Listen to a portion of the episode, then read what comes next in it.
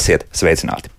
4. februārī pasaulē atzīmē pretvēža dienu, kuras vadmotīvs ir iedvesmojam cilvēks pārmaiņām un mobilizējam aktīvai rīcībai. Tātad šodien nekādas vainonoloģijas, bet gan stāsts par iespēju. Valsts finansēta krūts rekonstrukcijas mērķu programmu pēc krūts vēža operācijas.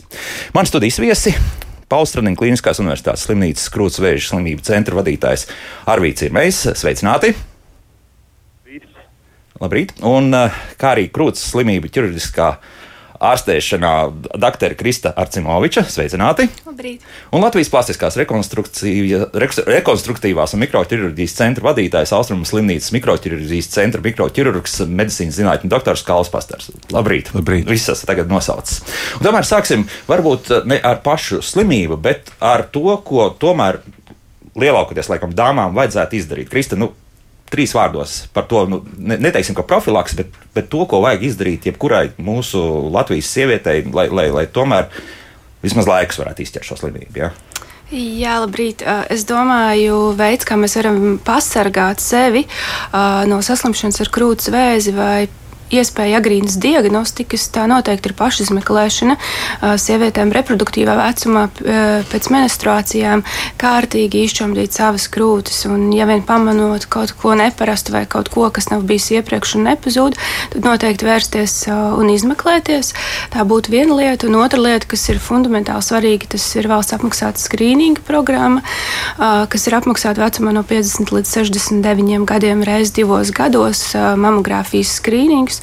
Un šeit es vēlētos aicināt lai katra sieviete atrod to savu vienu vietu, kas viņai ir izdevīga, kur viņa katru reizi vienā un tajā pašā vietā dotos veikt šo mammogrāfijas skrīningu izmeklējumu, jo tur ir ļoti svarīgi lai šis izmeklējums tiktu salīdzināts ar iepriekšējo attēlu, lai šīs pārmaiņas tiktu atklātas iespējami agrīni, kā arī ļoti tādā augstas uzmanības grupā ir sievietes jau faktiski sākot no 40 gadiem, kuriem, kurām šis mammogrāfijas skrīnings arī būtu ļoti vēlams ar ģimenes ārsta nosūtījumu, kā arī sievietēm pēc 70 gadu vecuma. Arī, arī šīs sievietes noteikti ir aicinātas caur ģimenes ārstu turpināt mammogrāfijas veikts izmeklējums. Novēroties, jā. Novēroties, protams. Mm -hmm. Un, un jaunāks sievietes, nu, teiksim, jau tur, kur gadu varbūt 20, un tā, tā, tā nav tik liela riska grupa, vai, vai tur tiešām pietika tikai ar tādu izmeklēšanu, tīri fizi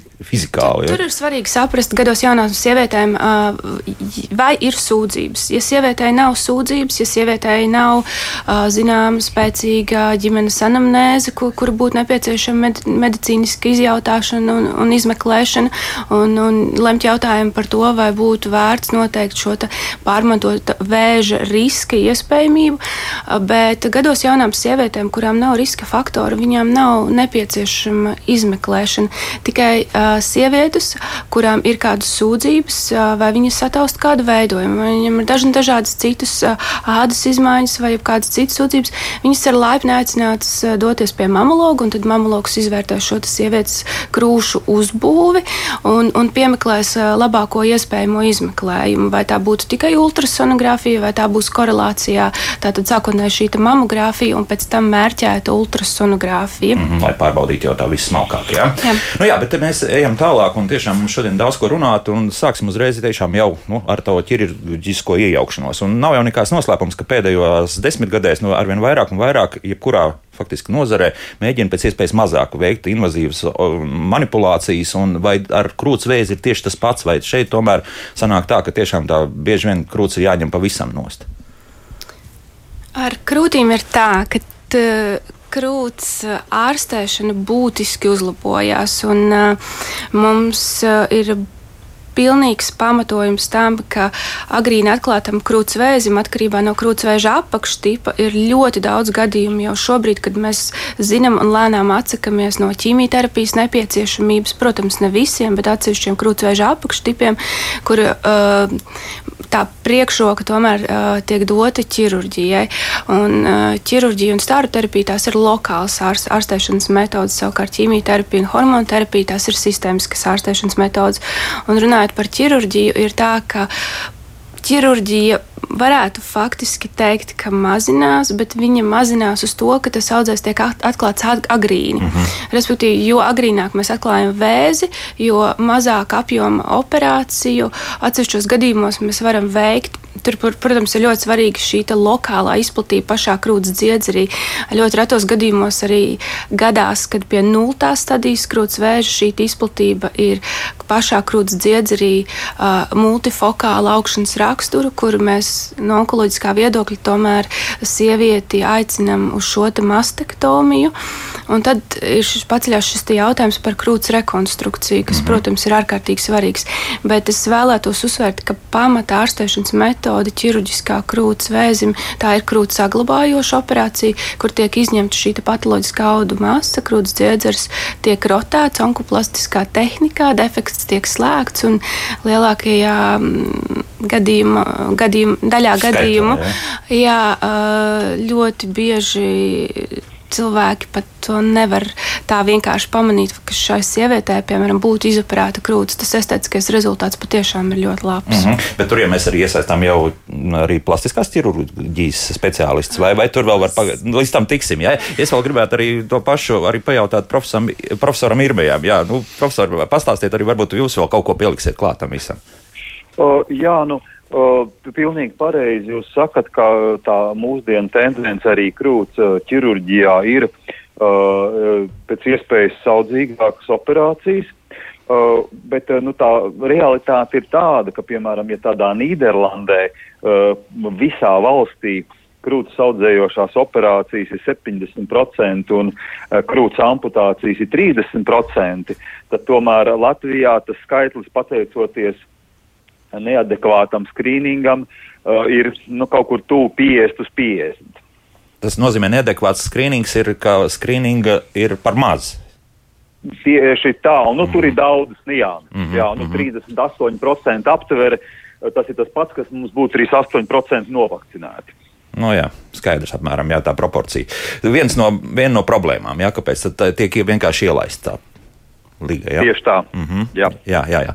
Nu, lūk, bet tomēr nu, ir, ir šī sadaļa, kur, kur tomēr nevajag visu griezt nost, un tad jūs tālāk arī sākat strādāt jau šajā etapā. Ja? Nu, mēs parasti mums ir ļoti laba sadarbība ar onkologiem, un uh, parasti tas ir komandas darbs un komandas izvērtējums. Ja? Un ir situācijas, kur uh, ja tā tiešām ir eh, salīdzinoši maza ķirurģiska iejaukšanās, viņi ļoti labi paši tiek galā. Ja? Mēs vairāk pieslēdzamies tajos gadījumos, ka tiešām vajadzīga ir lielāka rekonstrukcija vai visas krūts atjaunošana, mm. vai mhm. abu krūšu atjaunošana. Tomēr, ja? jo es atkal amerikāņu resursus drusku lasīju, un tad ir kvadrā te tektomija. Jā, tad, tad tas, kur tur tiešām, un tad amerikāņi tomēr uh, veids kaut kādas gan audu pārstādīšanu, gan arī tādas lietas. Tad pie mums uh, tas ir mazāk izplatīts. Tā, tās tehnikas ir dažādas, kā krūtis dziedzi ir atjaunot. Faktiski, lai, lai saprastu klausītāji, faktiski var iedalīt divās lielās grupās. Ja? Mm -hmm ja krūtsdziedzu atjaunošana nu, tā pamatos. Ja? Protams, viņas var sīkāk iedalīt, un vēl daudz dažādas jaunas tehnikas nākušas klāt, bet principā ir krūts atjaunošana ar implantiem un espanderiem. Ja? Tas, kad ievieto krūtsdziedzi arī, ja nepieciešams, implantu vai espanderu, lai, lai atjaunotu krūti, ja? un naudu pārstādīšanas, ja par lēveriem pārstādīšanas, lēveru rekonstrukcijas, ja? kad tiek pārstādīta audi vai no tuviem reģioniem ķermeņa, vai no pilnīgi attālinātiem, piemēram, vēdera, kājas, diberna un tādā veidā tiek atjaunotas. Ja? Un tas, eh, tas faktiski divās lielās grupās ielūdz. Protams, tur nāk vēl daudz dažādas palīga tehnikas, ko var izmantot.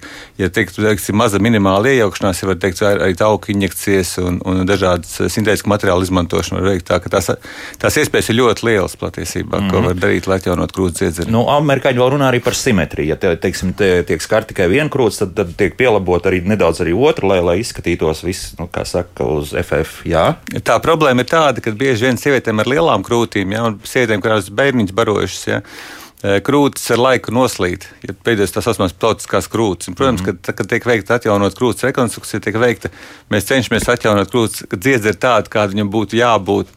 Un līdz ar to, protams, prasās tajā brīdī arī e, būt tikai loģiski, un visā pasaulē to arī dara, ka veic otras krūtis korekciju, to saucamo simetrizāciju, ja, lai tiešām sieviete iegūtu vislabāko estētisko rezultātu, kādu var iegūt šajā situācijā. Vai tas arī tiek no valsts puses apmaksāts tādā gadījumā? Nu, mēs esam garu ceļu gājuši. Šogad pirmo fakts mums ir svētki, jau mums ir ieldzis jaunais gads. Jo šo gadu faktiski valsts ir apsolījusi, ka šīs operācijas tiks apmaksātas. Ja? Mm -hmm. Un, un ja līdz šim bija tā, ka uh, bija diezgan liela neskaidrība šajā apmaksā, valsts paziņoja, ka viņi apmaksā šīs operācijas, bet tā samaksa par šīm operācijām bija nepietiekoša, reizē ekonomiski nepamatot, nesadza vajadzīgās izmaksas operācijas. Tad ar šo gadu, principā, intensīvā sadarbībā kopā ar Veselības ministru un Nacionālo veselības dienestu, mums šķiet būs izdevies panākt to, ka tiešām par šīm operācijām tiks samaksāts. Un šīs operācijas tiks apmaksātas nu, tā, ekonomiski pamatot. Respektīvi, tiks nosaktas visas vajadzības, kas ir nepieciešamas. Mm. Ja? Tad nebūs nu, kāda knapināšanās tāda, ko, ziniet, nē, šito mēs varētu par naudu izdarīt, un, respektīvi, par valsts naudu, par nodokļu maksātāju naudu, un šo nē, nē tad, mums būs jāpiemaksā. Ja? Tur vēl liels darbs ir jāiz, jāiegulda, bet kas ir pozitīvi, tas, tas pirmais lielais solis ir izdarīts. Ja? Mm. Valsts ir iezīmējusi miljonus, simts, nedaudz vairāk kā miljonu simts tūkstošus šīm operācijām, un faktiski viņi ir apsolījuši, ka šī, šī nauda tiek iezīmēta tieši šāda veida operācijām, kas ir ļoti svarīgi. Ja? Ņemot vērā, ka veselības aprūpē tam tas finansējums ir nepietiekošs un vēl saistībā ar visām mūsu krīzēm, kas ir Covid un vispārējais. Ja? Un tas ir tas pirmais pozitīvais solis. Un, protams, šobrīd darba grupās tiek strādāts par to, kā pareizi nodefinēt visas apmaksas nosacījumus, lai tiešām tas būtu korekti un lai tas būtu pacientam, kā jūs teicāt, lai nav jāknapinās. Jā, jā, jā. Lai nav tā, ka, teiksim, kā līdz šim bija, ka bija kaut kādas operācijas, ko valsts apmaksāja bija operācijas, kuras valsts teica, ka viņi apmaksā, bet slimnīcē tie radās milzīgi zaudējumi, tāpēc viņas netika veiktas. Ja? Zaudējumi, tāpēc, ka pēc tam nedabūja naudu. Nu, Protams, valsts, nu, ja? tā a, analoģijās runājot, jūs būvējat māju, kuras izmaksas ir 100 tūkstoši. Ja? Bet, bet paredzēt visu nevar. Ja? Nē, tā problēma ir tāda, bet uh, valsts apmaksā par gadījumu pacientu ārstēšanas gadījumu. Jā. Ja? Un tajā brīdī, kad jūs uzbūvējat māju par 100 tūkstošiem, bet valsts jums samaksā 50 tūkstoši, ja? Pavisam vienkārši. Tad, jā. tad tajā brīdī, kaut kādu brīdi jūs varat būvēt tās mājas, ja, bet vienā brīdī nu, maciņš beidzās naudu viņa maciņā slimnīcā, ja, un tajā mm. brīdī viņi paskatās, nē, tagad mēs būvēsim kaut ko. Kaut ko citu. Jā. Kaut ko citu, kaut ko citu jā. Bet tagad atgriežoties arī pie tā paša sākuma.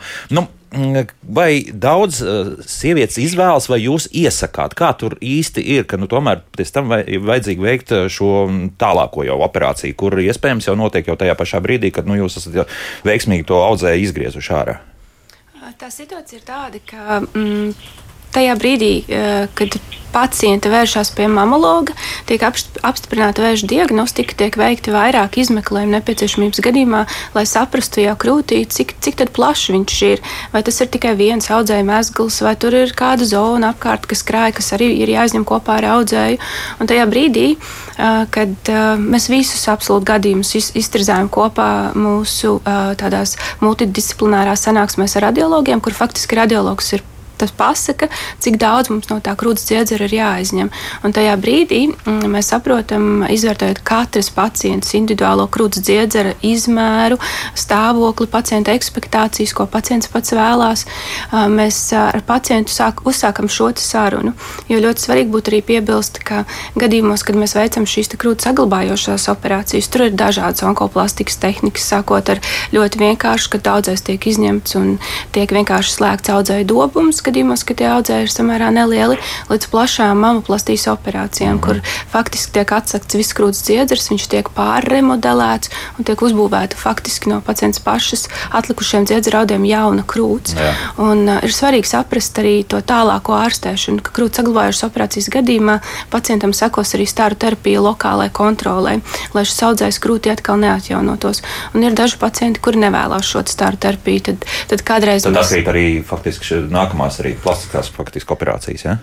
Negluži nē, ja pacienti atsakās piemēram no šīs stāru terapijas, atsakās saglabāt krūts dziedzeru, jo viņi nevēlas šo papildus ārstēšanu, tad kā, rezu, tad kā rezultāts tieši ir, ka, ka viņai ir jāveic šī mastektomija, un tad atkal paceļās jautājums par to, vai viņi vēlētos šo rekonstrukciju atkarībā no pacienta mīksto audu stāvokļa, cik daudz pacientei rāda, kāda būs vēl tālākā ārstēšana. Tad mēs varam izvērtēt šo iespējamo rekonstrukcijas metodi metodi. Tur nebūs tā, ka visām pacientēm būs kāda labākā rekonstrukcijas metode. Aha. Tur nebūs tā, ka tas būs ļoti, ļoti individuāli. Tā būs katras pacients saruna. Mhm. Jautājums arī būs, cik lielu krūts dziedzeru mēs vēlamies atjaunot. Mazas krūtis mēs varam atjaunot uzreiz, vienā momentā ieliekot implantu. Citos gadījumos tās būs vairāk etapu operācijas, kur mēs sākotnēji iepildām pustukšu espandarī, tad mēs viņu sākam pildīt, tad mēs sasniedzam vajadzīgo apjomu, un tad mēs to espandarī implantu un nomainām pret implantu un piekurģējam vienlaicīgi otru krūti. Bet tas, ko es gribētu pateikt, ir tas, ka neatkarīgi no tā finansējuma šobrīd mēs strādājam, mēs jau strādājam tā, kā mums būtu jāstrādā.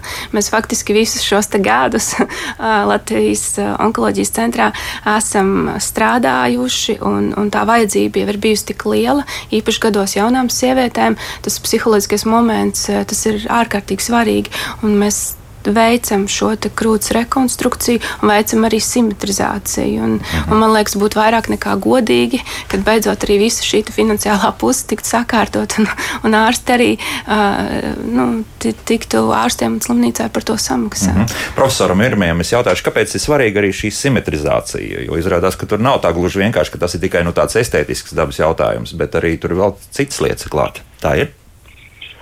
Oh.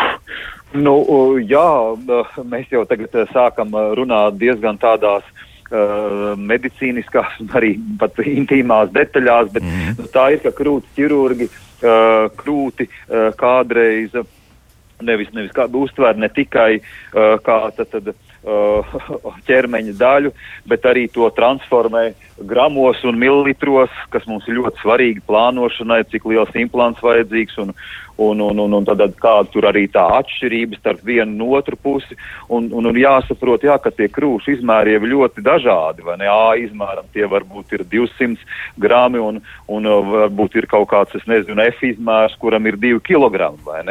Un, protams, šādos brīžos tad, tad eh, runa jau vairs nav tikai nu, par milzīgu uh, asimetriju, estētisku, vizuālu, bet tas arī ir tāds nu, milzīgs asimetrija uz mugurkaulu. Ja, ja vienā pusē ir uh, divi kilogrami un otrā pusē varbūt ir puskilograms pēc kaut kādas nu, pietiekami uh, lielas zonas izņemšanas, piemēram.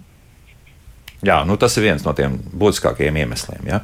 Jums arī sanāk daudz runāt un, un pārliecināt, vai, vai faktiski tomēr sievietes piekrīt un, un, un saka, jā, ka tai operācija Nē, nu, redzat, uh, tomēr uh, jāsaka, ka ārsta uzdevums ir informēt. Mm -hmm. Tas ir uh, sniegt visu uh, nepieciešamo informāciju par pacientei, par alternatīvām, par iespējām. Tad, tad ja uh, tad, tad tiek uh, pieņems lēmums, ka šajā gadījumā krūts audzējoša operācija nevar izdarīt, ka krūts ir jāamputē, krūts audzi ir jāizņem visi laukā, uh, tad faktiski paciente ir jāinformē, ka tad, nu, ir teorētiski rekonstrukcijas iespējas. Nu, tad kādas ir tās rekonstrukcijas iespējas, cik viņas ir no teiksim, medicīniskā viedokļa pašreizējā brīdī pamatots vai uzreiz, vai varbūt pēc laika atlikts. Uh, tā kā uh, nu, numur viena, jo faktiski ārstam nav uh, krūts ķirurgam neviena pacienta, es tā gribētu teikt, viņi nav jāpierunā uz rekonstrukciju. Tas ir kaut kas tāds, uh, kas uh, sievietei tas lēmums jāpieņem pats pašai. Um, jo uh, ir sievietes, jā, kuras uh, pasaka, nē, paldies, piemēram, es negribu nekādu, es nezinu, svešķermeni, vai es negribu garu lielu operāciju, vai es mhm. negribu, ka man tur uh, nu, griezīs vēderu vai griezīs muguru, lai, lai, lai, lai paņemtu tos vajadzīgos audus un pārcelt uz krūti. Cilvēki, mēs esam ļoti dažādi, un tās expectācijas un, un tās vēlmes ir ļoti dažādas, bet ārsta uh, galvenais uzdevums ir pacientu pēc iespējas labāk noinformēt par tām iespējām, par tām alternatīvām un arī nu, kaut kādiem jā, nu, riskiem, kas tad būtu, nu, ja, ja tā varbūt rekonstrukcija vai simetrizācija netiks veikta. Mm -hmm. Kas notiek tādos gadījumos, ja tomēr ir konstatēts metastāzes un faktiski tālāk pa līmfmazgliem ir vēzis aizgājis tālāk, tad, cik es saprotu, tad šādas rekonstrukcijas nav iespējams? Tur ir svarīgi izšķirt Jūs jautājat, uh, jā, abi, abiem diviem, jā, jā, abiem diviem, jā. Tur ir svarīgi izšķirt, vai tās ir uh, lokāls metastāzes padusas līmfmazglos uh, vai, vai suprainfraklavikulārijas līmfmazglos, vai tās ir attāls metastāzes. Uh, tur ir ļoti vērtējams jautājums. Katrs pacients ir jāvērtē absolūti individuāli. Un, ir ļoti svarīgi saprast un uzsākt šo ārstēšanu, vai, ir, vai tā ir tikai viena izolēta metastāze, vai tās ir multiplas attāls metastāzes. Tie ir absolūti divi dažādi pacienti. Un, un es arī gribētu minēt par to ka krūtsvēža ārstēšana arī metastātiska.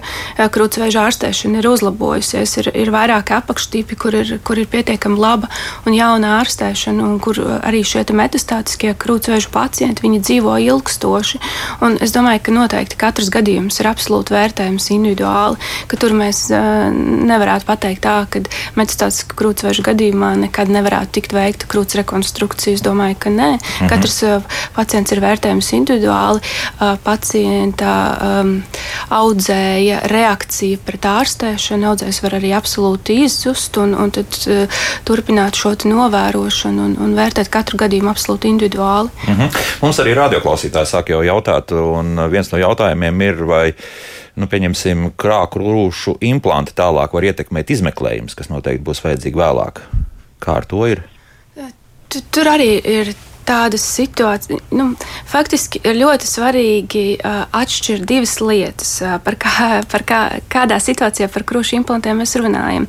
Vai mēs runājam par augmentāciju, kas ir estētiskos nolūkos palielināt krūts dziedzers vai manīt krūts dziedzeru formu estētiskāku mhm. uh, apsvērumu dēļ, un, uh, vai, vai mēs runājam par krūts implantiem gadījumos, kad ir veikta mastektomija un ir ievietots šis implants, lai atjaunotu krūts dziedzeru apjomu apjomu. Tas arī tas ir divas dažādas. Nu, paliksim pie mastektomijas. Jā, pie, jā. Gadījumos, kad ir veikta mastektomija, mēs arī pacientam turpinam veikt mamogrāfijas izmeklējumu. Mums ir svarīgi redzēt ādas zemādas stāvokli, arī mamogrāfijas attēlos izvērtēt.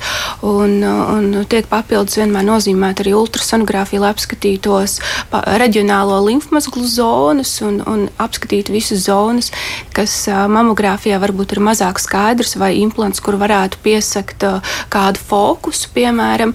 Uh, es negribētu teikt, ka uh, mastektomijas gadījumos implanti apgrūtinātu izmeklēšanu. Nē, es tam mm. nevarētu piekrist. Tad jums tur arī ir zināmas nianses, ja? jāievēro. Nav gluži tā, kā strādāt kā plastiskam ķirurgam. Kā jūs ja? domājat? Nu, tā, ka varbūt ka, ka tiek veikts tikai estētiska rakstura krūšu palielināšanas vai tā samazināšanas operācijas, ka tur ir kaut kas vieglāks nekā šādās situācijās. Nē, nē, protams, ka krūts rekonstrukcija ir daudz sarežģītāk nekā, ja mēs runājam par estētiskām krūts operācijām, protams, jo Jo kaut kā tā pati audu pārstādīšana, tās ir 8 stundas garas operācijas, jā, ar pietiekami komplicētas. Un, bet tas, ko dr. Samovičs ļoti labi minēja, ka tiešām, kad pacientiem visām tiek piedāvāts individuāls risinājums. Nav tāda standarta, protams, ir kaut kāda algoritma, pēc kā mēs vadāmies, ja, tā, bet principā tiek piedāvāts visām pacientiem individuāls risinājums. Ja, Un mūsu tā praksa rāda, ka sievietes, kuras varbūt no sākuma atsakās no krūts rekonstrukcijas, kādu laiku padzīvojot bez krūts, viņas zina, izjūt to, kādas ietekmē viņas dzīves kvalitāti, jo onkoloģijā ne tikai svarīga ir dzīvības, bet ir dzīves kvalitāte. Un bieži vien viņas maina savu viedokli. Tas, tas mūsu novērojums ir tāds, ka, ja agrāk teiksim, bija kaut kāds vecuma limits, nosacīti. Ja? Nu, pasaulē sen vairs vecuma limiti nav tāda izpratne kā kontraindikācija, kuras rekonstrukcija vecums nav kontraindikācija. Ja? Tad mēs redzam, ka tā tendence ir tāda, ka kundzes cilvēki izvēlas kvalitīvāku dzīvi. Arī mūža nogalē, tā var teikt. Ja? Un līdz ar to teiksim, tā tendence parādās, ka arī kundzes gados, kas agrāk varbūt nu, teikt, nu, man to nevajag, es jau kas, ka man, man jau daudz gadu tā tālāk, šobrīd sāk apsvērt tādas lietas, kad, kad varbūt tomēr to vajag. Un, mm -hmm. un, un tas, domāju, tas ir tāda lieta, kas nav statiska, viņa vienmēr dinamiski mainās un tās prasības pret dzīves kvalitāti un komfortu cilvēkiem pieaug. Bet tās bažas par to, ka nu, tomēr septiņas stundas daudz un ilga tā operācija? Uh, to nosaka nevis pacients vecums, bet pacients blakus slimības. Tomēr, ja? Un, protams, tāpēc mēs sakām, tas risinājums ir individuāls. Ja mēs redzam, ka pacientiem blakus slimības neļauj šādu lielu apjomu operāciju taisīt, protams, ka netiek tādi viņai piedāvāti, ja tad tiek citi risinājumi piedāvāti. Ja? Bet, uh, Bet katrā ziņā teiksim, tās uh, audu pārstādīšanas tas ir ļoti teiksim, pieprasīts visur pasaules operācijas, jo tas nodrošina mēs ar pacientu pašu saudiem. Nav teiksim, tā vienkārši sakot svešķermeni. Bet mm. es saku vēlreiz, katrai pacientai individuāls risinājums. Jo vienai pacientei varbūt audu pārstādīšana ir labākais risinājums, citai savukārt būs labāk ar implantiem, trešai varbūt vēl cits kombinēts risinājums, ja, kur mm. gan audi, gan implanti. Bet tas ir jānosaka ārstam. Protams, jā, jā, protams, jā. Protams. Bet uh, jūs jau pieminējāt, jā, ka varbūt ka tiešām dāmas pārdomā un izdomā, ka šī operācija ir veicama vēlāk. Tad kā tomēr ir labāk? Ja, ja, ja ir skaidrs, zināms, ka var taisīt uz līdzenas vietas, tad uh, ir vērts pierunāt tomēr, vai, vai, vai nu, tur nekādas īpašas izmaiņas. Nu, primāri svarīgi, manuprāt, ir jāuzvar reizes Ja? Nu, tā, tas ir vispār, jā, tas jā. ir. Protams, un šis jā. ir no šīs perspektīvas arī jāaiziet uz šo jautājumu. Mm -hmm. Līdz ar to tāpēc man liekas ļoti forši, ka mums ir tā foršā sadarbība ar, ar mamologiem, onkologiem, teiksim, kad uh, viņi izvērtē savu daļu, un, un, un, un mēs kopā atrodam to labāko risinājumu. Mm -hmm. Profesoram Irmējam es arī pajautāšu, nu, bieži nāks tā arī sadarboties, ka vai nu tiek atlikts šīs operācijas, vai tomēr arī diezgan raiti iet arī uz priekšu, tad, kad ir tās jāveic. Beidz tiek veikts abas divas. Nē, nu to, ko doktors Kāls Pastars saka, nu tas ir absolūti jā, mēs arī esam priecīgi, ka arī Stradiņas slimnīcā mums ļoti labi ir uh, sadarbība ar saviem plastikas ķirurgiem. Un, uh, protams, ja ir iespējams, ja nepieciešama krūts amputācija, audu izņemšana, bet tāpat laikā var saglabāt uh, pacients pašas ādu, kas, kas ietver uh, krūts audus, un ja var saglabāt krūts galu, uh, tad skaidrs, ka, uh, un, un vēl tur, protams, dažādas detaļas, kas ir, ja, ja, ja tā tūlītējā rekonstrukcija ir tā labākā, protams, ka tas ir tas labākā situācija, ka uh, paciente faktiski nu, aizmiega uz operāciju galva narkozē ar uh, savu krūti uh, un, un pamostās arī ar krūti.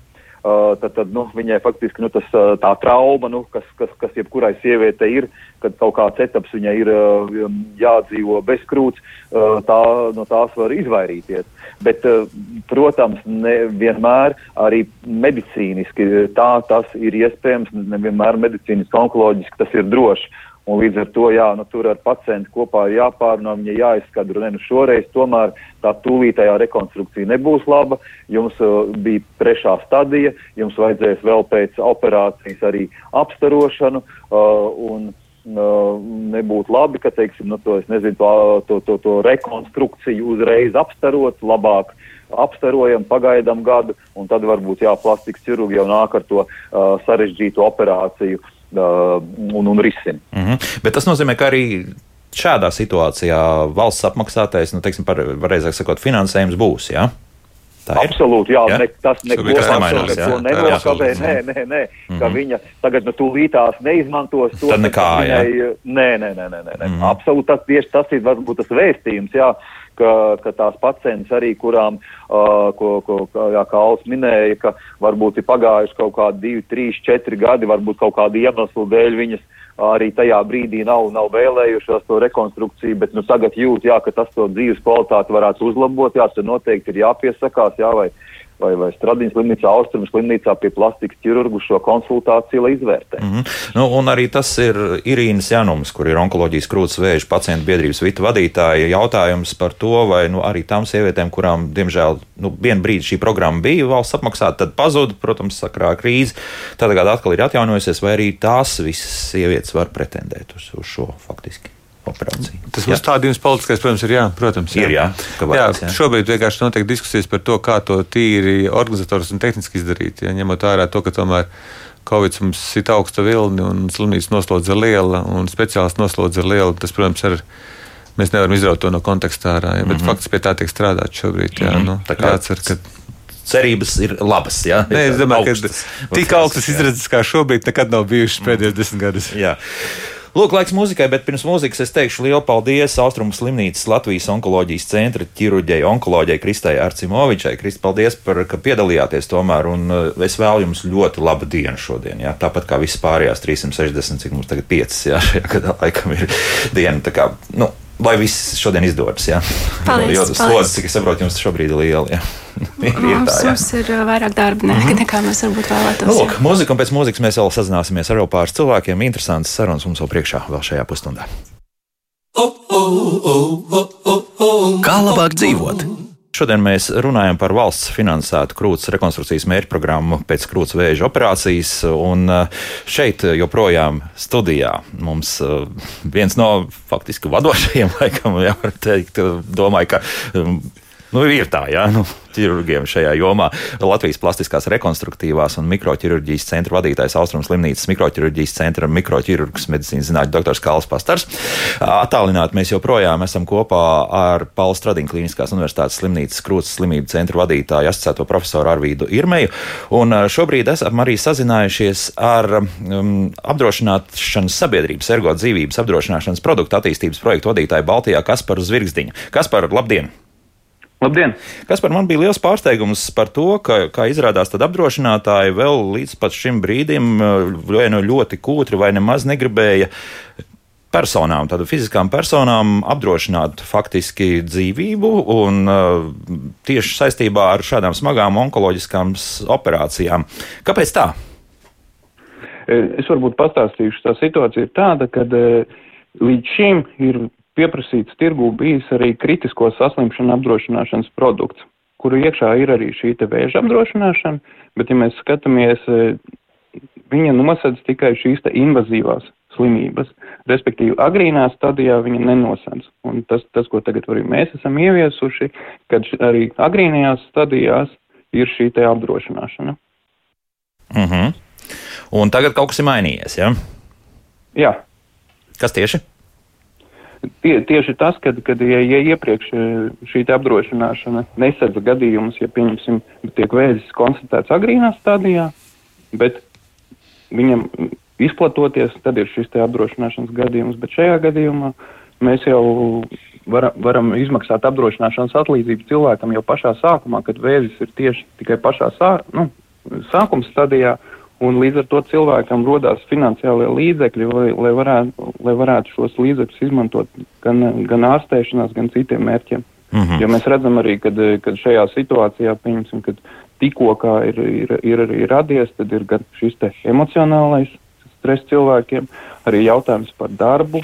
Jo, pieņemsim, ja mēs skatāmies uz aptaujām, ko vispār cilvēki saka, kad e, nonāk šajā situācijā, par ko viņi uztraucās. Uh, kad tā ir neārstējama slimība, kad nepietiks līdzekļi, lai iegūtu jaunākās zāles, kas nodrošinās ģimeni, kas notiks ar darbu, kā jutīsies pārējie ģimenes locekļi. Līdz ar to apdrošināšana ir tas, kas eh, nepasargā no vēža, bet, ja gadījumā šis notiek, tad, tad ir šī finansiālā atbalsta. Nu, drošības pilvens, jā. Mm -hmm. Kas, kas par sakiet, vai tas nozīmē, ka, ja šādu apdrošināšanas veidu cilvēks izvēlas, viņam ir jāiziet speciāls medicīnas pārbaudas?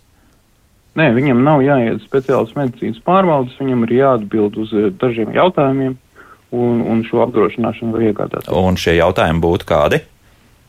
E, pārsvarā tie jautājumi ir, vai viņam iepriekš ir bijis, jo ir tā, ka, ja viņam iepriekš ir, ir, ir bijis un esošs šis, šis, šis te vēzis, tad mēs, diemžēl, nevaram apdrošināt. Mm -hmm. Bet uh, tas nozīmē, ka arī kaut kāda laika limita, ja nu pēkšņi uh, tiešām šī līga uh, strauji pietuvojusies. Tur nevar būt tā, ka, pieņemsim, ja es esmu noslēdzis šādu apdrošināšanas līgumu un pēc divām nedēļām. Nu, Teorētiski, ja es šoreiz, šobrīd teoretizēju, tiek uzzināts par, par to, ka tomēr šī onkoloģiskā slimība man ir piemeklējusi, tad uh, jūs varat atteikt vai nevarat atteikt tieši pat šo ir, laiku? Ir, tā, ka, ka ja, mēs, ja, ja klients iegādājas apdrošināšanu, ir šis nogaidīšanas periods, jā, cik tas mēneši. ir? Seši mēneši. Respekt, mm. jā. Un, mm. Respektīvi, ja, ja, ja pēc nogaidīšanas perioda iestājās šis apdrošināšanas gadījums, tad, tad tiek arī apmaksāts. Skaidrs, tad tie ir seši mēneši. Kas par paldies apdrošināšanas sabiedrības ergo dzīvības apdrošināšanas produktu attīstības projektu vadītājs Baltijā, kas par zvirziņš bija kopā ar mums attālināti. Bet mēs turpinām mūsu sarunu, un mums ir jāaprunājas ar vēl vienu šajā gadījumā dāmu, valodnieci Aigu Veckaunu. Aiga, prieks tevi dzirdēt! Jā, man arī labrīt. Jā, bet uh, es labprāt parunātu, protams, par latviešu valodas lietām vairāk ar tevi, bet nu, šoreiz mums jārunā par diagnozu vēzi. Un uh, tu esi kopā ar Latvijas radio izveidojis platformu sarunām par vēzi. Vismaz viens liels pamatīgs ieraksts jau tur ir. Kāpēc tas ir vajadzīgs? Nu, manuprāt, tas sasaucas ar um, šī dienas raidījumā viesu jau teikto par to, cik svarīgi ir šī profilakse, izmeklējumi, pārbaudas, cik svarīgi ir par to neaizmirst un nebaidīties arī no šīm pārbaudēm. Bieži vien ap vēzi ir daudz stereotipu, mm, stigma, stigmu un mm, tādu mītu. Un tas ir viens no iemesliem, kādēļ šāda platforma, jeb šis dokumentālais stāsts divu pēc tapa, lai rosinātu cilvēks pārbaudīties un, un aizdomāties par to. Mm -hmm.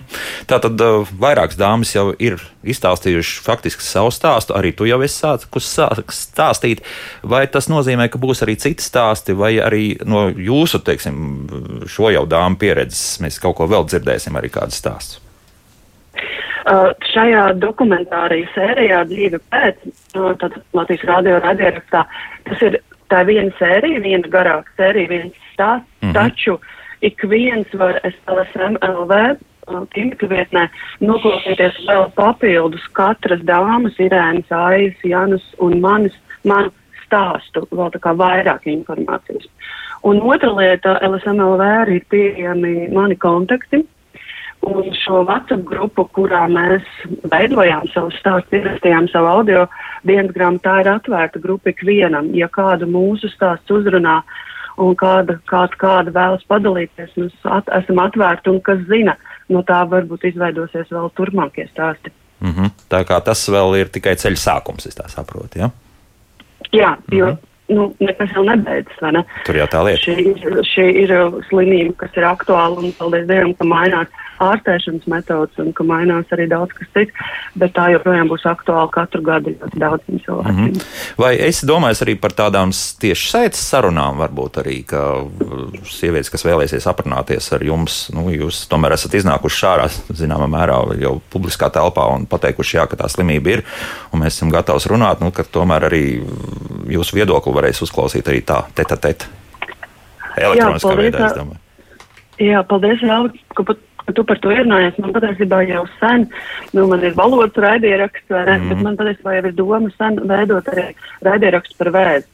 Tā kā ik viens, kurš ir gatavs un gana drosmīgs, mēs to varam darīt. Tas noteikti var būt arī tiešsaistes sarunas, kur arī citi var uzdot jautājumus un iesaistīties. Jā, man atbilde ir jā. Uh mhm, -huh, tad tie kontakti tiešām tur ir atrodami. Un, jā. ja vēlties arī noklausīties visu, tad kaut vai caur LSM mājaslapu rakstiet iekšā Aiga Veckalna kaut vai, un jūs atradīsiet arī šo gan Spotify, ja nemaldos, vēl divās citās platformās, jā, jā to var noklausīties. Jā. Aiga, veselību tev! Nu, es, ko es teikšu, jā. Tas tik jocīgi ir uzrunāt, bija, protams, bet nu, turies, un mēs esam kopā ar tevi katrā gadījumā. Aiga Veckā un Valodnieks bija kopā ar mums. Jā. Bet mēs turpinām mūsu sarunas, un um, nu, mājaslapā tāda jautājuma. Varbūt šajā gadījumā profesoram es jautāšu, vai ir kaut kāda atšķirība, cik tad krūšu izmērs ir liels sievietēm, vai, vai ir kaut kāda korelācija starp to, vai, kad vēzis ir vairāk vai, vai, vai vēža iespējamība ir mazāka? nu, tur var būt divas lietas uzreiz, kas nāk prātā. Viens, ka um, ir pierādīts, ka uh, pēc, respektīvi, menopauzē, uh, ja ir paaugstināts ķermeņa masas indeks, tad ir arī paaugstināts krūts vēža risks. Un uh, paaugstināts ķermeņa masas indeks nu, š, uh, korelē arī ar palielinātu krūšu izmēru. Mm -hmm. Tā kā, nu, tas tā kā sasaucās tomēr nu, ar uh, veselīgu dzīvesveidu un tomēr uh, aktīvāk kustēties un, un, un darīt visu, kas nu būtu iespējams, lai tomēr tas, tas ķermeņa masas indeks uh, būtu tuvāk uh, normai. Tādā ziņā, jā. Uh, jāsaka, mm -hmm. Uh, jā, nu, nu, nu, ot, uh, bet otra lieta, un tas nav par uh, nevis par krūšu izmēru, bet tieši ir runa par krūšu blīvumu. Uh, tas gan ir uh, pierādīts, ka ja sievietei uh, ir blīvas krūtis un mamogrāfijā to var uh, labi redzēt, un to arī vienmēr izmeklējumos radiologs apraksta, uh, tad, tad šīm sievietēm gan Uh, ir pierādīts, ka ir vairākas reizes paaugstināts risks nekā tām, kurām uh, krūšu blīvums ir uh, zems. Un, nu, tas, protams, ir kaut kas, ko sieviete īsti nevar ietekmēt. Mm -hmm. uh, tas ir kaut kas ģenētisks. Jā, Bet nu, tad eh, vairāk vajadzētu pievērst uzmanību tomēr ja, dažādiem riskiem. Es jautāšu arī vēl šādu. Mēs zinām, eh, Holivudas aktrises Anģelīnas Džolijas stāstu par to, ka nu, viņa zinot to, ka nu, tā diemžēl ģenētika viņai dzimtā ir diezgan pabēdīga. Viņa jau laikus nemaz negaidot, vai varētu būt parādīties vēzis, abas krūtis, tad eh, nu, tikt noņemts. Vai arī šādā situācijā, vai, vai pie mums vispār kaut kas tāds notiek, un vai tad var arī pretendēt uz to, ka turpināt, jā, faktiski ar, ar šām pēc tam krūtis atjaunošanas operācijām? Kā tur ir? Jā, nu tā ir, ka, ka to arī šīs te krūšu rekonstrukcijas programmas ietvaros mēs esam uh, iestrādājuši un, un pašreiz arī esam uh, saņēmuši um, tādu pozitīvu uh, atbildi no Nacionālā veselības dienesta, uh, ka ne tikai tām pacientēm, kurām uh, krūts vēzis ir pierādīts, bet kurām arī ir līdzīgi kā Anģelīnai Džolijai ir šī ģenētiskā izmaiņa, tā sauktajā BRCA1 vai BRCA2 gēnā, tad, tad ja šīs sievietes uh, uh, izvēlās tādu alternatīvu kā šo risku samazinošo uh, mastektomiju, tad arī viņām par valsts līdzekļiem šī rekonstrukcija tiek nodrošināta. Jo būtībā jau tas risks dzīves laikā ir saslimt 80%, un uh, faktiski valsts jau šeit neko uh, nemaksā papildus vai pārmaksā, jo uh, tā, tas drīzāk iegūst, jā, varētu pateikt. Jā. Tieši, Tieši tā, jo, ja nedod Dievs tas krūts vēzis, es nezinu, pēc gadiem X tiks atklāts uh, trešajā stadijā, uh, ka tur būs uh, dārgi ķīmijterapijas kursi, ka tā sieviete varbūt 45 gadu vecumā izies laukā no savas darba aprits un neradīs iekšzemes koproduktu un tā tālāk un tā tālāk, nerunājot vispār psihoemocionālo, ja tie zaudējumi ir neskaitāms reizes lielāki. Mm -hmm. Bet, protams, otra alternatīva ir šis magnetiskās rezonanses skrīnings. Protams, ne visas jaunas sievietes būs tur, nezinu, 30 gadu vecumā, 35 varbūt uzzinot šo ģenētisko izmaiņu gatavs tik radikālam solim. Tad otra iespēja ir, kad, ja ir BRCA1 gēnu mutācija, reiz gadā ir šis magnetiskās rezonanses skrīnings, ko, ko Stradiņas slimnīcas pārmantotā vēža kabinets realizē. Var realizēt, un ar to varētu pietikt, jā? Nu, Uh, nu, tas tad, jā, faktiski uh, ir, ir pierādīts, ka šādā gadījumā uh, lielākā daļā gadījumā audzējs tiek pirmajā stadijā. Mm -hmm. Un uh, savukārt, ja operācija notiek, tad viss kopā uzreiz. Jā, gan, gan, gan noņemšana, jā, gan uzreiz nometāli. Protams, jā, tā kā profesors Imēs jau ļoti jau labi minēja, tiešām, kad mums ir prieks, ka mums izdevās iekļaut arī programmā šīs sievietes, kurām uh, ir šī ģenētiskā ģenētiskais mantojums. Un, un tad, protams, jā, šajā gadījumā protams, tas uh, onkorisks salīdzinoši zems un, un līdz ar to parasti izvēlās vienā etapā šīs operācijas. Mm, nu, tas diezgan loģiski. Ja? Bet tagad uh, arī šāds jautājums. Uh, Sigita mums uzdod jautājumu, vai konsultācijas var izmantot sievieti, un visdrīzākais varbūt arī tālāk operācijas, kurai 11, pirms 11 gadiem ir veikta krūts operācija ar implantu ievietošanu, lai nepieciešamības gadījumā varētu saņemt konsultāciju par implantu nomaiņu un otras krūts uzlabošanu. Tātad, nu, tomēr skaidrs viens, mēs jau runājam par vecumu, jā, un pat laiks iet. Un... Šis ir ļoti labs jautājums. Faktiski par šī, šāda veida pacientiem mums šobrīd nav bijusi runa ar veselības, Nacionālo veselības dienestu. Ja? Un šis ir jautājums, kas visticamāk tuvākajā laikā tiks risināts. Ehm, es šobrīd baidos pacientai atbildēt ehm, apstiprinoši. Mm -hmm. Tā vajadzētu būt, kā, kā, kā mēs esam iecerējuši, ja, bet šobrīd ir runa par, par pacientiem, kuras nav saņēmušas krūts rekonstrukciju, kurām Vispār, ir. Jā, jā, jā, jā, jā. jā, jo viņu tas īpatsvars ir diezgan liels. Pie kā griezties, kam vajadzētu, kāda, pie kāda speciālista šādas konsultācijas ir jāiet vispār pie jums vai, vai pie, pie šai gadījumā? Nu, faktiski mums ir sadarbība. Ja. Es domāju, ka, protams, ka plastiskai ķirurģijā šīs operācijas var veikt viskvalificētāk, jo mēs esam tieši tam mācījušies un trenējušies, ja, un mēs to regulāri darām. Tāpēc es, protams, domāju, ka plastikas ķirurgi būtu tie, kas, kas būtu primāra izvēle. Teiksim, ja? mm -hmm. Pacientiem, kurām ir onkoloģija, piemēram, izārstēta, ja, un viņas jau divi, trīs gadi ir pagājuši, vai četri, ja, un viņas nolēmušas, tomēr gribētu atjaunot krūtis, dziedzeri, tad es domāju, ka tas būtu tikai loģiski. Ja. Bet šobrīd vēl līdz galam tas nav nodefinēts precīzi, kā tas strādās, un tāpēc vēl darba grupā notiek diskusijas par to, kā precīzi to to nodefinēt to pacientu ceļu kādā veidā. Ja? Jā, tad tā kā te varētu arī jā. būt labi soļi uz priekšu. Jā, jo tas ir jā. ļoti svarīgi, lai būtu pacientam tas ceļš skaidrs, kādā veidā saņemt šo pakalpojumu. Un šeit faktiski ir dažas lietas, kas vēl tieši kādā dēļ tieši Covid dēļ mēs neesam paspējuši atrisināt. Mm -hmm. ja, bet tuvākā laikā to izdarīsim. Abiem diviem jums jautājums par to, ka šīs miljonus ir sadalīts drusku un uh, sadalīts tur arī par, par vairākām vietām. Tad uh, divi centri Rīgā, Liepāja, ja nemaldos, un Daugavpils. Jā, mm -hmm. bija, jā. Uh, vai šis sadalījums, kā jums liekas, ir, ir normāls pēc tās naudas? Nu, es tajā sarunās nepiedalījos, tāpēc ir grūti komentēt. Bet, bet faktiski tas, pēc kā vadījās Nacionālās veselības dienas, ir pacientu skaits, kas tiek izoperēts šajās iestādēs. Mm. Un eh, tā proporcija tādā veidā ir veidojusies. Tā, tā jā. Profesor, jums liekas, ka viss ir kārtībā? Kā ir sadalīts? Nē, nu, veselības, Nacionālās veselības dienas būtībā nu, arī tā mutiski to ir, ir paudis, ka nu, tad ir tiešām nu, ir, ir kaut kāds jauns sākums no tāda nu, organizatoriskā, finansiālā viedokļa. Un arī pacientu organizācijas faktiski ļoti rūpīgi zem lupas seko līdzi katrai darbībai. Un, un, un, un, un tā, tā, tā, tas solījums ir bijis tāds, ka pat ja pietrūks tie līdzekļi uh, kaut kādā brīdī šogad, lai visas vajadzības uh, apmierinātu, tad uh, Latvijas veselības dienas ir gatavs meklēt papildus līdzekļus. Pat tā, jā. Mhm. Nu, Otra arī šis sadalījums jau no akmeni iekalts. Ja? Un, ja, ja tiks analizēts pacientu plūsmas, ja, un skatīts, tā, ka uh, tas nenozīmē, ka tas tagad visu mūžu sadalījums tāds saglabāsies. Ja, tā, un, faktiski. Un būtiskākais speciālisti visās četrās vietās ir ar pietiekami nu, teiksim, augstu kvalifikāciju. Ja? Nu, tā... Es pilnīgi noteikti varu atbildēt par stradiņiem un, un, un, un rakus. Ja? Jā. Man grūtāk spriest par liepāju un daugopili, ja? bet, bet jā, protams, stradiņos un rakus šie speciālisti ir ļoti augstu kvalificēti. Mm -hmm.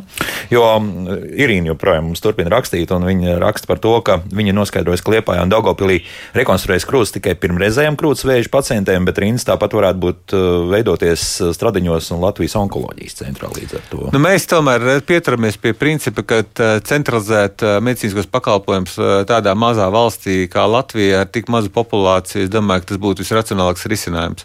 Protams, ka pacienti vēlas jo tuvāk savai dzīvesvietai saņemt pakalpojumu medicīnisko. Tas ir ļoti saprotami vēlme, bet ņemot vērā cilvēku resursus, ja, manuprāt, nebūtu liederīgi to izsēt pa visu Latviju, jo, jo ārsta specialitāte, profesionālitāte nosaka tas darba apjoms, ko viņš izdara. Mhm. -huh. nu, tā vienkārši sakot, ja es divas krūtis rekonstrukcijas gadā taisu, tad ļoti grūti būtu cerēt, ka būs labs rezultāts. Ja? Mhm. -huh. Faktiski tas tāds nu, darbs, kas regulāri rutīnā jāveic. Jā, un profesori piebildīs to kaut ko par šo?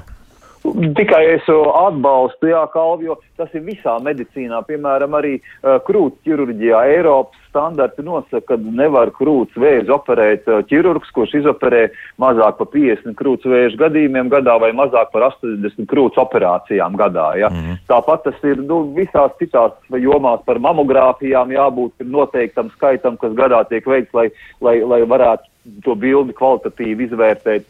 Absolūti piekrītu. Lūk, tā. Vēl ātri pateikšu, ka Irīna mums uzrakstījusi, ka tiešsaistes dzīvās sarunas par vēzi gan latviešu, gan krievu valodā ir jaunai biedrībai par dzīvot, un uh, sievietes biedrībā par dzīvot meklē informāciju visā Eiropā, to apspriež, sirsnīgi atbalsta vienu otru, sarunas ir vajadzīgas tieši tā. Uh, tā mēs arī piekrītam. Šodien saku paldies, un uh, ja būs kaut kāda nu, informācija, mēs, protams, to noteikti rēģēsim, un nu, atkal būs mums raidījums šeit, raidījuma kā labāk dzīvot ietvaros, bet šodien tiešām paldies, saku Pauls Stradiņa Kliniskās universitātes slimnīcas krūzes slimību centra vadītājiem Arvīdam Irmējam. Profesor, paldies par sarunu un Latvijas plastiskās paldies. rekonstruktīvās un mikroķirurģijas centra vadītājiem, Austrum slimnīcas mikroķirurģijas centra mikroķirurgam, medicīnas zinātņu doktoram Kalvim Pastaram par sarunu. Paldies! paldies. Jauka nedēļas nogal visiem neslimājumam un tā.